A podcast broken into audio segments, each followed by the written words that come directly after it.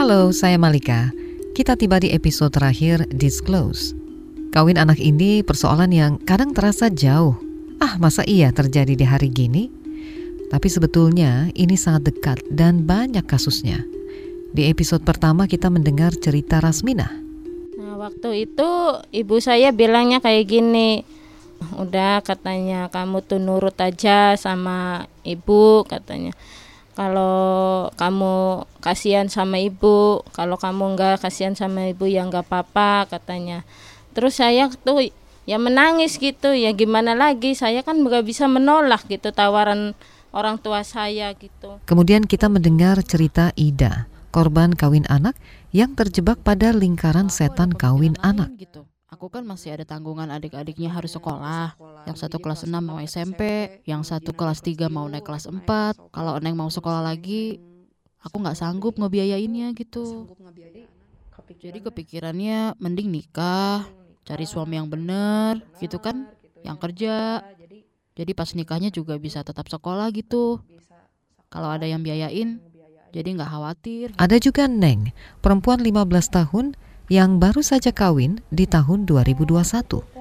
yang sekolah gitu, tapi udah ku mama gaknya. Gimana kata mama, udah lama nggak sekolah, mau ngapain lagi? Terus mau sekolah juga malu ketemu sama teman-teman. Jadi ya mau gimana lagi? Udah nikah aja gitu. Di tahun 2019, kita sudah punya revisi Undang-Undang Perkawinan. Ini sebetulnya adalah upaya mencegah kawin anak dengan menaikkan batas usia kawin menjadi 19 tahun. Pemerintah sudah mengakui persoalan kawin anak sebagai hal yang darurat dan memasukkan penurunan angka perkawinan anak dalam rencana pembangunan jangka menengah nasional 2020-2024. Namun kenyataannya, jumlah kasus kawin anak terus naik selama pandemi COVID-19. Penelitian Badan PBB untuk Anak UNICEF menyebutkan, anak yang mengalami perkawinan usia anak rata-rata hanya menempuh pendidikan sampai tingkat SMP atau sederajat. Jumlah pekerja anak juga otomatis meningkat karena anak jadi harus bekerja untuk menghidupi keluarganya. Di episode terakhir ini, kita bertemu Sanita Rini, perempuan yang berusaha memutus lingkaran setan kawin anak dengan terus bersekolah. Dua kali diminta kawin oleh ibunya, dua kali pula ia menolak. Yang Sanita mau hanya sekolah. Kalau ibu sama bapak tetap paksa untuk menikah, saya tidak bisa memenuhi impian bapak ibu. Gak bisa memenuhi untuk bapak ibu pengen beli sapi atau pengen apa gitu yang hal-hal yang memang sudah tidak bisa saya lakukan gitu. Kalau saya sudah menikah berarti ya sudah saya akan fokus kepada suami dan juga keluarga saya gitu. Saya nggak bisa Bagaimana Sanita meyakinkan orang tuanya untuk terus mendukung dia lanjut sekolah?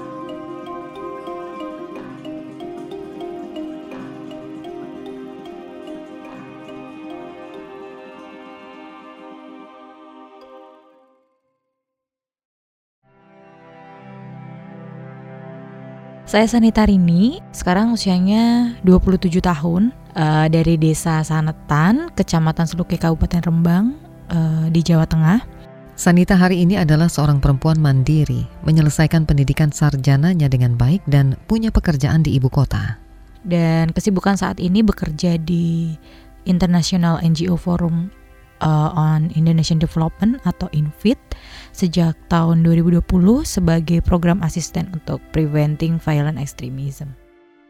Sanita butuh waktu panjang dan perjuangan yang keras untuk sampai di titik ini hari ini.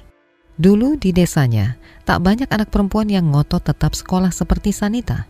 Rata-rata kalau lulus SMP, kalau nggak nikah, kerja. Kerja pun banyak yang kerja di sektor informal, kayak pembantu rumah tangga, kerja di konveksi yang rumahan bukan yang di pabrik gitu loh atau ke masuk ke pondok pesantren gitu. Jadi saya melihatnya bahwa seakan-akan kok perempuan cuma punya pilihan sedikit gitu. Makanya saya selalu bilang ke ibu bahwa saya mau sekolah gitu loh. Apa pun yang terjadi saya mau sekolah.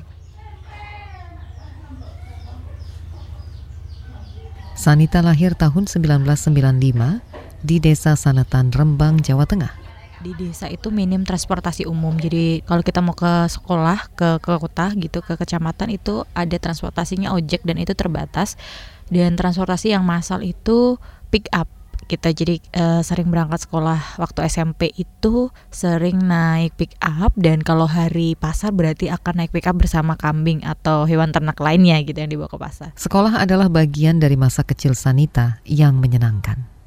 Nah, masa-masa kecil di desa itu karena memang kita juga tidak ada komputer di sana gitu. Jadi kita mainnya juga masih main-main yang masa dulu masa masa kanak-kanak yang permainan gobak sodor tradisional sebagainya dan favorit saya waktu itu adalah ikut bantu gembala kambing gitu di ladang gitu sambil uh, Sanita punya empat saudara tiri yang sudah lebih besar. Ia tinggal bersama kedua orang tuanya. Sang ibu buka toko kelontong di rumah, sementara bapaknya lebih sering bekerja di kota lain, jadi kuli bangunan. Di tengah hidup yang sederhana, Sanita mulai memupuk cita-cita. Uh, kalau waktu itu sebenarnya kalau di desa belum ada sih, belum ada role model yang uh, seperti menunjukkan bahwa oh ya ini sekolah sampai begini-gini kemudian sukses gitu.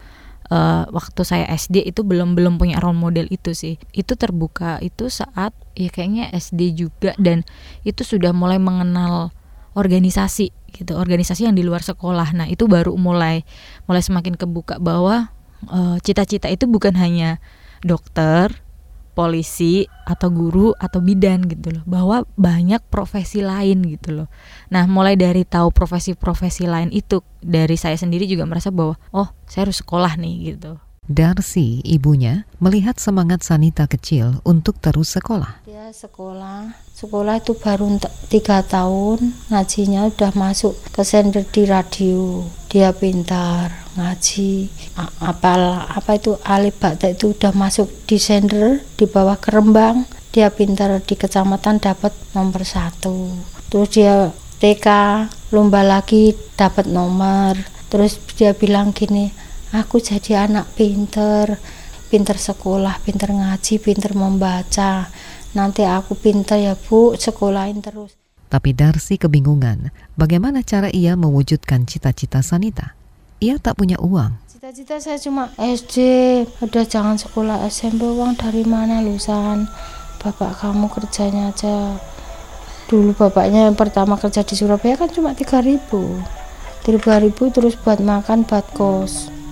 Terus Sanita pokoknya yang penting saya mau ningkain cita-cita saya gitu Darsi pilih jalan pintas, mencarikan jodoh untuk Sanita demi meringankan beban keluarga. Ia menemukan calon suami untuk Sanita usianya 20 tahun, lulusan SMP, kerja jadi buruh bangunan.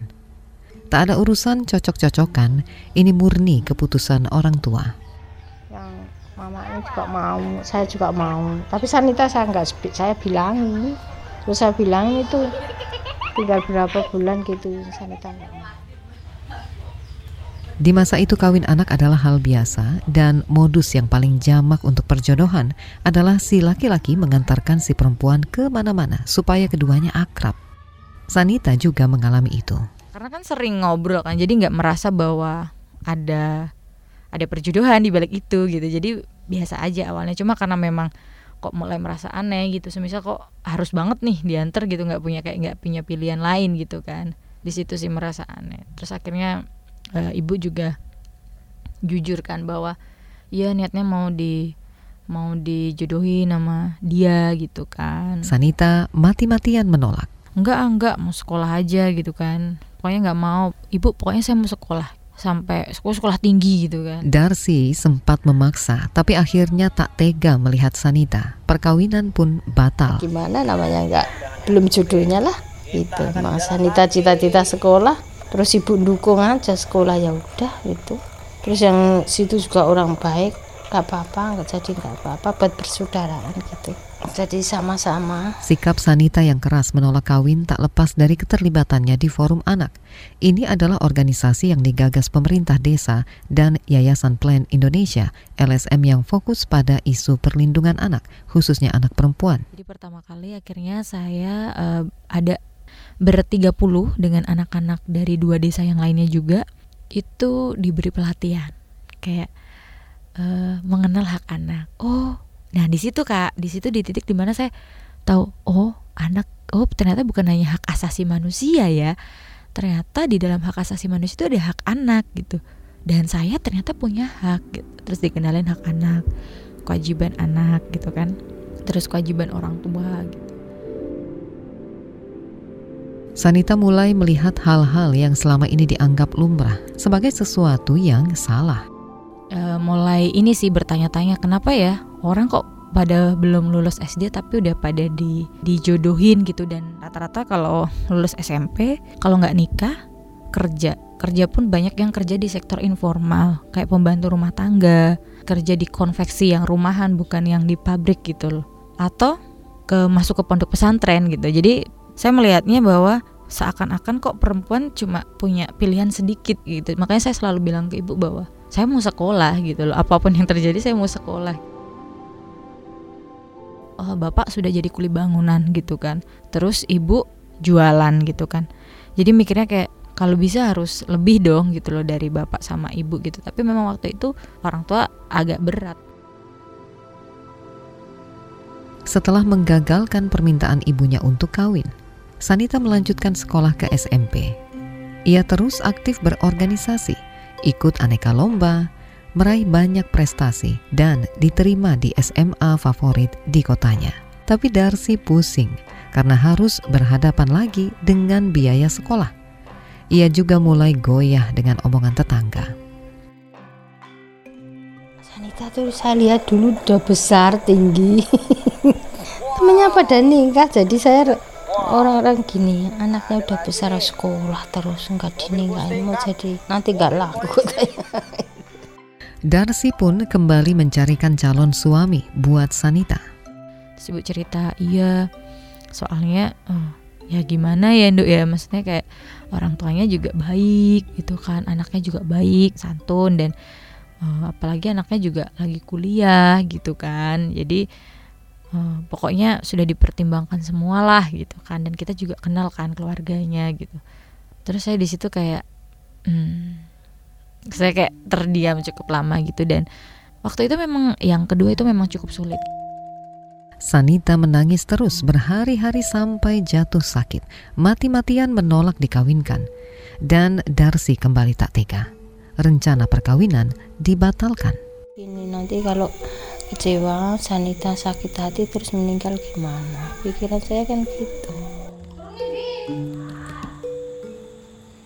Di usia 17 tahun, Sanita bertekad menyetop niatan ibunya untuk mengawinkan dia selamanya. Pada suatu sore yang sejuk selepas hujan, Sanita mengajak ibu bapaknya bicara di ruang makan dekat dapur. Ini tempat mereka biasa ngobrol sambil nyemil. Sanita mulai bicara dari hati ke hati kepada orang tuanya ibu sama bapak pengennya apa gitu kan. Ya ya pengennya ya kamu sukses gitu kan kayak gitu gitulah terus aku tanya semisal memang mau begitu kenapa saya dijodohkan? gitu kan. Ya biar tenang aja gitu kalau kamu udah nikah kan tenang gitu kan. Kayak sudah ada yang rawat yang jaga gitu. Terus saya bilang bu uh, kalau ibu sama bapak mau terwujud mimpinya gitu kan ya izinkan saya untuk tetap sekolah gitu. Tetap lanjutin sekolah sampai kuliah sampai dapat pekerjaan yang bagus gitu. Kalau ibu sama bapak tetap paksa untuk menikah saya tidak bisa memenuhi impian bapak ibu gitu.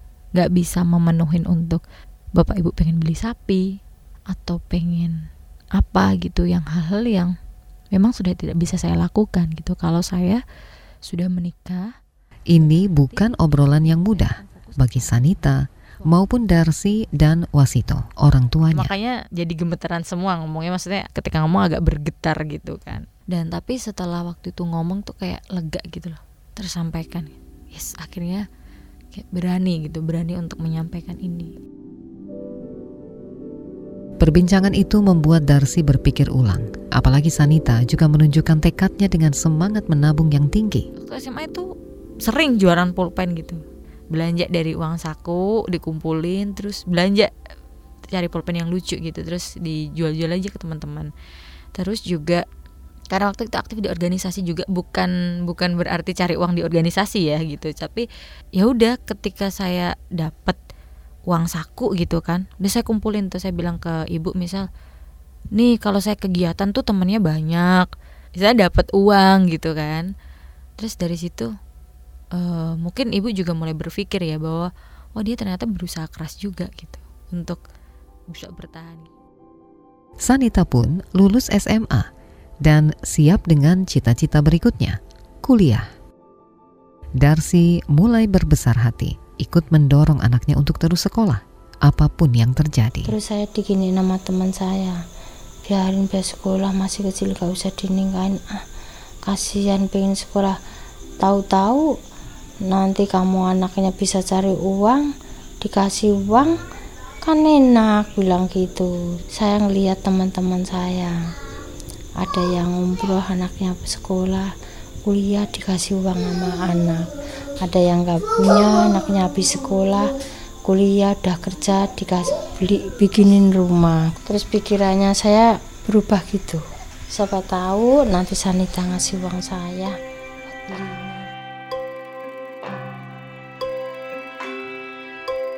Tahun 2014, Sanita terpilih untuk ikut pertukaran pemuda ke Belanda. Ini kali pertama dia ke luar negeri. Saya berangkat ke Belanda, wis.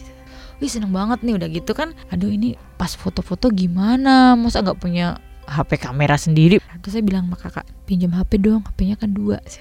Terus akhirnya saya dipinjemin HP-nya kan. Terus jadi dari situ uh, saya berangkat ke Belanda. Kan memang sulit komunikasi ya kak ya. Ibaratnya pertama kali keluar negeri dan waktu komunikasi itu kayak dua hari sekali gitu. Di Belanda, dia bercerita tentang nasib perempuan di desanya, soal terbatasnya pilihan yang dimiliki anak-anak perempuan tanpa pendidikan. Perempuan tuh punya pilihan yang sempit gitu. Yang pertama adalah yang sangat sangat sangat saya bilang tidak punya pilihan. Yang artinya ya harus dinikahkan dan harus menikah. Yang setelah menikah hampir semuanya tidak melanjutkan sekolah lagi dan secara keterampilan minim. Yang kedua adalah pilihannya bekerja dengan uh, punya ijazah SD atau SMP. Apa sih yang bisa diharapkan? Ya kita bisa melihat gitu kan orang-orang yang memang ya ada yang berhasil untuk jadi wirausaha atau apa.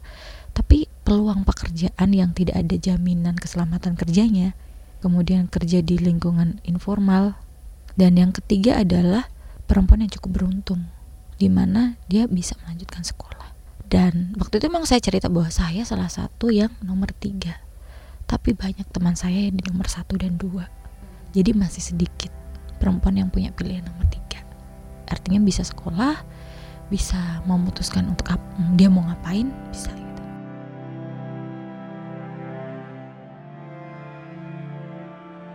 Di Belanda pula, Sanita menerima kabar menyesakkan dari kampung halamannya kakak laki-lakinya menikahi perempuan usia 16 tahun. Sanita murka. Wah, wah itu udah nggak mikir manjang panjang lagi. Itu pulsa, roaming udah nggak pikir lagi tuh. Telepon langsung ke rumah. Ini bener kak? Ini maksudnya apa? Pokoknya gitu pakai bahasa Jawa kan. Maksudnya apa gini? kok bisa nikah gini-gini? Kan bukannya kesepakatannya nikahnya nanti menunggu dia umur 18 tahun. Dan bukannya dia belum lulus ujian pokoknya bukannya dia masih sekolah. Kok bisa menikah? Kenapa? Perkawinan itu berumur singkat. Sanita merasa kecolongan. Jadi intinya peristiwa kakak itu membuat saya juga merasa gagal juga merasa bahwa saya harus memperhatikan lingkungan sekitar terdekat saya juga gitu bukan hanya saya berkoar-koar di luar gitu kan. Ternyata ada ada kecolongan nih gitu kan. Dan itu membuat saya uh yang benar-benar merasa merasa gagal sih. Jadi kita juga harus selalu memastikan lingkungannya bagaimana nih. Kalau saya tidak ada di situ itu kita harus juga pastikan bahwa itu tetap berjalan jadi kita perlu membangun sebuah sistem sebuah mekanisme gitu kan lingkungan yang sehat yang memang guyup gitu kan untuk melakukan pencegahan-pencegahan di desa gitu untuk uh, kekerasan terhadap anak dan juga terutama untuk perkawinan usia anak, mencegah perkawinan usia anak. Peristiwa ini memunculkan kesadaran baru pada Sanita. Supaya tak ada lagi anak-anak perempuan yang dikawinkan. Jadi kita perlu membangun sebuah sistem, sebuah mekanisme gitu kan, lingkungan yang sehat yang memang guyup gitu kan untuk melakukan pencegahan-pencegahan di desa gitu untuk kekerasan terhadap anak dan juga terutama untuk perkawinan usia anak, mencegah perkawinan usia anak. Sistem untuk mencegah perkawinan anak di tingkat desa. Inilah yang lantas dirumuskan bersama oleh warga desa Sanetan yang mendapatkan pendampingan dari Yayasan Plan Indonesia, organisasi yang fokus pada perlindungan hak anak. Desa Sanetan bahkan jadi area percontohan untuk mendorong perlindungan hak anak. Di antara sekian banyak persoalan anak yang jadi prioritas desa adalah soal kawin anak. Kepala Desa Sanetan Jumadi masih ingat beratnya perjuangan awal mengubah pandangan masyarakat yang terlanjur menganggap kawin anak itu biasa. Ada pepatah gini mbak, perempuan itu sama dengan punya atau jualan sirih dan sirih. Dia lama nggak digunakan, gak layu atau busuk gitu. Nah itu yang dipakai untuk slogan orang-orang di desa terutama desa Sanetan pada saat itu. Nah, kenapa seperti itu? Seolah-olah itu tabu, Mbak. Kok umur 20 belum nikah atau umur 18 tahun atau 14 tahun kok belum nikah itu apalagi di atas 20 tahun ya malah oh, perawan nggak laku dibilangin seperti itu. Sanita ikut terlibat dalam berbagai diskusi soal perlindungan anak sebagai perwakilan dari Forum Anak. Jadi forum anak waktu itu memang dilibatkan dalam diskusinya brainstorming. Terus kalau di tim perumus itu diwajibkan harus ada anak, perwakilan perempuan, kemudian perwakilan orang muda, hmm. uh, tokoh ada, tokoh masyarakat, pemerintah desa. Saya masuk di tim perumus yang perlindungan anak.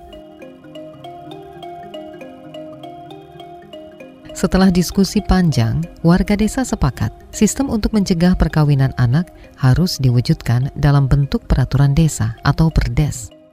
Desa Sadetan menjadi satu-satunya desa di Kabupaten Rembang yang memulai perumusan perdes soal perlindungan anak. Namun perumusan perdes mendapat tantangan dari dalam desa. Kata Siti Naomi, perangkat desa yang aktif terlibat dalam pembahasan perdes. Perdes itu membuat perdes gak lancar, Mbak. Namanya juga kita membuat aturan baru, merubah pola pikir, ya, merubah pola pikir masyarakat. Ada yang serta merta itu, oh iya, ya itu bagus. Ada yang menentang juga. Dulu Mbah Modin masih menentang dulu. Modin adalah pejabat desa yang jadi jembatan antara warga dan pemerintah desa. Tamsuri adalah pejabat Modin itu. Dia menolak keras keberadaan perdes. Karena kan gini, memang kita kan orang Islam ya. Memang kalau kita sebagai umat muslim itu kalau sudah balik nggih, sudah balik itu kalau pernikahan sesuai dengan aturan agama yaitu kita sudah berani gitu. Tapi kenyataan buruk soal kawin anak membuka mata Tamsuri. Sadar saya kan pertama tentang masalah banyaknya pencarian di bawah anak itu. Oh, berarti angka terbesar kan di Kabupaten Rembang yang apa itu pencarian kan rata-rata nikah di bawah umur. Nah, kemudian ada kematian kalau melahirkan itu rata-rata anaknya ini banyak yang meninggal. Oh, berarti kalau menurut Dinas Kesehatan itu kan kurang apa itu kurang pas kalau nikah di bawah umur itu. Nah setelah itulah saya sadar. Setelah enam tahun berproses, aturan baru itu pun diketok. Pada 2016, Desa Sanetan jadi desa pertama di Kabupaten Rembang yang punya peraturan desa tentang perlindungan anak. Siti Naomi, perangkat desa yang ikut menyusun perdes, mulai melihat perubahan pada anak-anak perempuan di desanya bahagia banget. Sekarang pengen sekolah itu caranya gimana? Kalau nggak ada biaya caranya gimana? Kayak gitu. Kalau dulu kan sudah beda lagi. Nggak mau dinikahkan dan ini dan itulah. Sekarang pengennya sekolah. Kayak gitu. Modin Tamsuri yang dulu menolak perdes kini aktif sosialisasikan aturan tersebut ke pengajian-pengajian. Terus di panggil saya berani sosialisasi setiap ada pengajian terutama ada pengantinan bahkan saya sering mendapat undangan temantinan mengisi pengajian pengantin kan sering. Jadi saya sampaikan. Jadi apalagi kebetulan saya yang melayani tentang membuat persyaratan pernikahan, saya sendiri yang melayani. Kata Sanita, Perdes tak bisa berdiri sendiri untuk mencegah perkawinan anak. Perlu sinergi dan kolaborasi, serta kesadaran dari semua pihak akan bahaya kawin anak. Kalau secara idealnya gini, misal di satu desa itu ada forum anak atau ada gerakan anak, ada orang muda, ada kelompok gerakan orang dewasa, ya KPAPD itu misal dan pemerintah. Pemerintah sebagai pembuat kebijakan, eh, kelompok anak yang sudah teredukasi melakukan edukasi dengan teman-teman sebayanya. Orang muda dia kan akan pendekatan orang muda kepada perempuan dan laki-laki muda gitu. Yang laki-laki muda ini kita sebut sering menjadi pelaku juga karena dia menikahi anak kan. Dan juga untuk KPAPD misalnya melakukan pendekatan kepada orang tua gitu. Nah, tapi apakah ideal seideal-idealnya kemudian akan itu menjamin gitu? Setidaknya mampu untuk meminimalisir terjadinya gitu. Kalau itu ada gitu kan. Maksudnya dari regulasi ada, uh, masyarakat juga berperan aktif, kemudian orang tua juga berperan, anak juga ada perannya, orang muda ada, perempuan juga ada. Hidup Sanita terus berlanjut, meneruskan kuliah di Sekolah Tinggi Ilmu Ekonomi YPPI Rembang, jurusan manajemen dengan dukungan penuh dari ibunya, Darsi. Dia mau kuliah mbak, beli laptop itu aja ikut bapak ke Surabaya, beli di Surabaya. Ini laptopnya masih sampai sekarang masih udah rusak tuh disimpan buat kenang-kenangan katanya. Ya itu punya laptop loh mbak. Dilap lab udah kuliah taruh tas dilap dibawain apa itu? Tisu sampai bersih. Pikirannya punya laptop senang dia. Sanita lulus. Jadi sarjana dengan predikat cum laude. Persis seperti doa ibunya. Namanya itu Sanita. Dulu tuh ada minuman Sanita. Dikasih tahu namanya Sanita aja. Nanti bi kalau sekolah biar pintar cerdas. Soalnya itu dulu ada minuman Sanita itu. saat wisuda tiba Sanita mendatangkan ibu dan bapaknya ke upacara wisuda. Saya dibeliin baju buat wisuda baju itu sama bapaknya. Ibu kan nggak pernah dandan di, itu ngambil orang pakai make up ibu nggak nggak pernah pakai gini-ginian tuh nggak pernah cuma pakai listrik itu bayar bayar berapa ya? Sanita yang masih uang Sanita naik ke atas panggung mewakili wisudawan lainnya berpidato soal peran anak muda di era disrupsi. Ibu Darsi dan Bapak Wasito menatap anaknya di atas panggung dengan rasa bangga. naik ke panggung kuliah kata teman bapaknya duduk bapaknya kerja apa itu anak kok pintar bilang gitu pak kalau saya tuh kuli bangunan kok anaknya pintar bilang gitu. Bangga yang udah lulus ya kan. Soalnya kan udah diberesin semua saya juga dibeliin seragam kan. Pakai seragam lah itu itu. Lah iya itu. Seragam pakai seragam itu foto sama tukang fotonya itu. Kata dulu Pak Camat yang sini kan ikut sanita datang gitu ibu dulu nyidanya apa nyidanya anaknya kok gitu? Kok kita heran ini anak bisa terdas gitu loh. Nyidamnya nyidam apa sih bu? Nyidam pencet pak. Saya bilang gitu. Pencet ya mangga yang muda itu loh. Dan bagi Darsi hidup tak lagi masam. Saya bersyukur punya anak sanita biarpun saya makan pakai sambel yang bisa nyekolahin anak saya sampai kuliah SMP sampai SMA sampai kuliah. Alhamdulillah mbak. Dapat barokah sanita sekolahnya. Menyenangkan orang tua ngasih uang. Kalau orang tua butuh butuh ini beli ini. Iya bu. Ibu jangan banyak pikiran. Nanti aku kalau pulang saya kasih uang gitu. Sanita pun berhasil mewujudkan janji kepada orang tuanya. Ibunya, Darsi, tak lagi perlu bekerja. Yang penting ini udah cukup ya mbak. Udah terima kasih. memang saya udah dikasih ini dikasih sama apa itu sehat dikasih apa itu rezeki yang barokah anak saya kerjanya lancar saya doanya anak bisa jadi orang sukses nggak kayak ibu dulu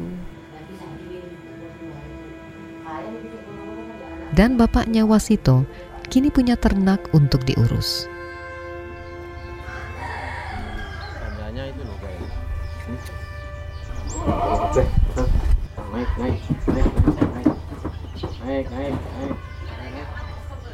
Saya pagi itu bersihin ini, wah bersih bersih ini itu terus buangi ini sampah-sampahnya dibuang di sungai situ.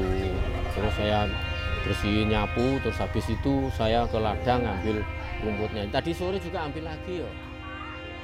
Inilah akhir dari serial podcast Disclose yang kali ini mengangkat soal kawin anak. Temukan informasi seputar Disclose di akun media sosial KBR, DM atau email kami di podcast kalau kamu punya ide cerita untuk Disclose. Saya Malika, sampai jumpa di serial Disclose berikutnya.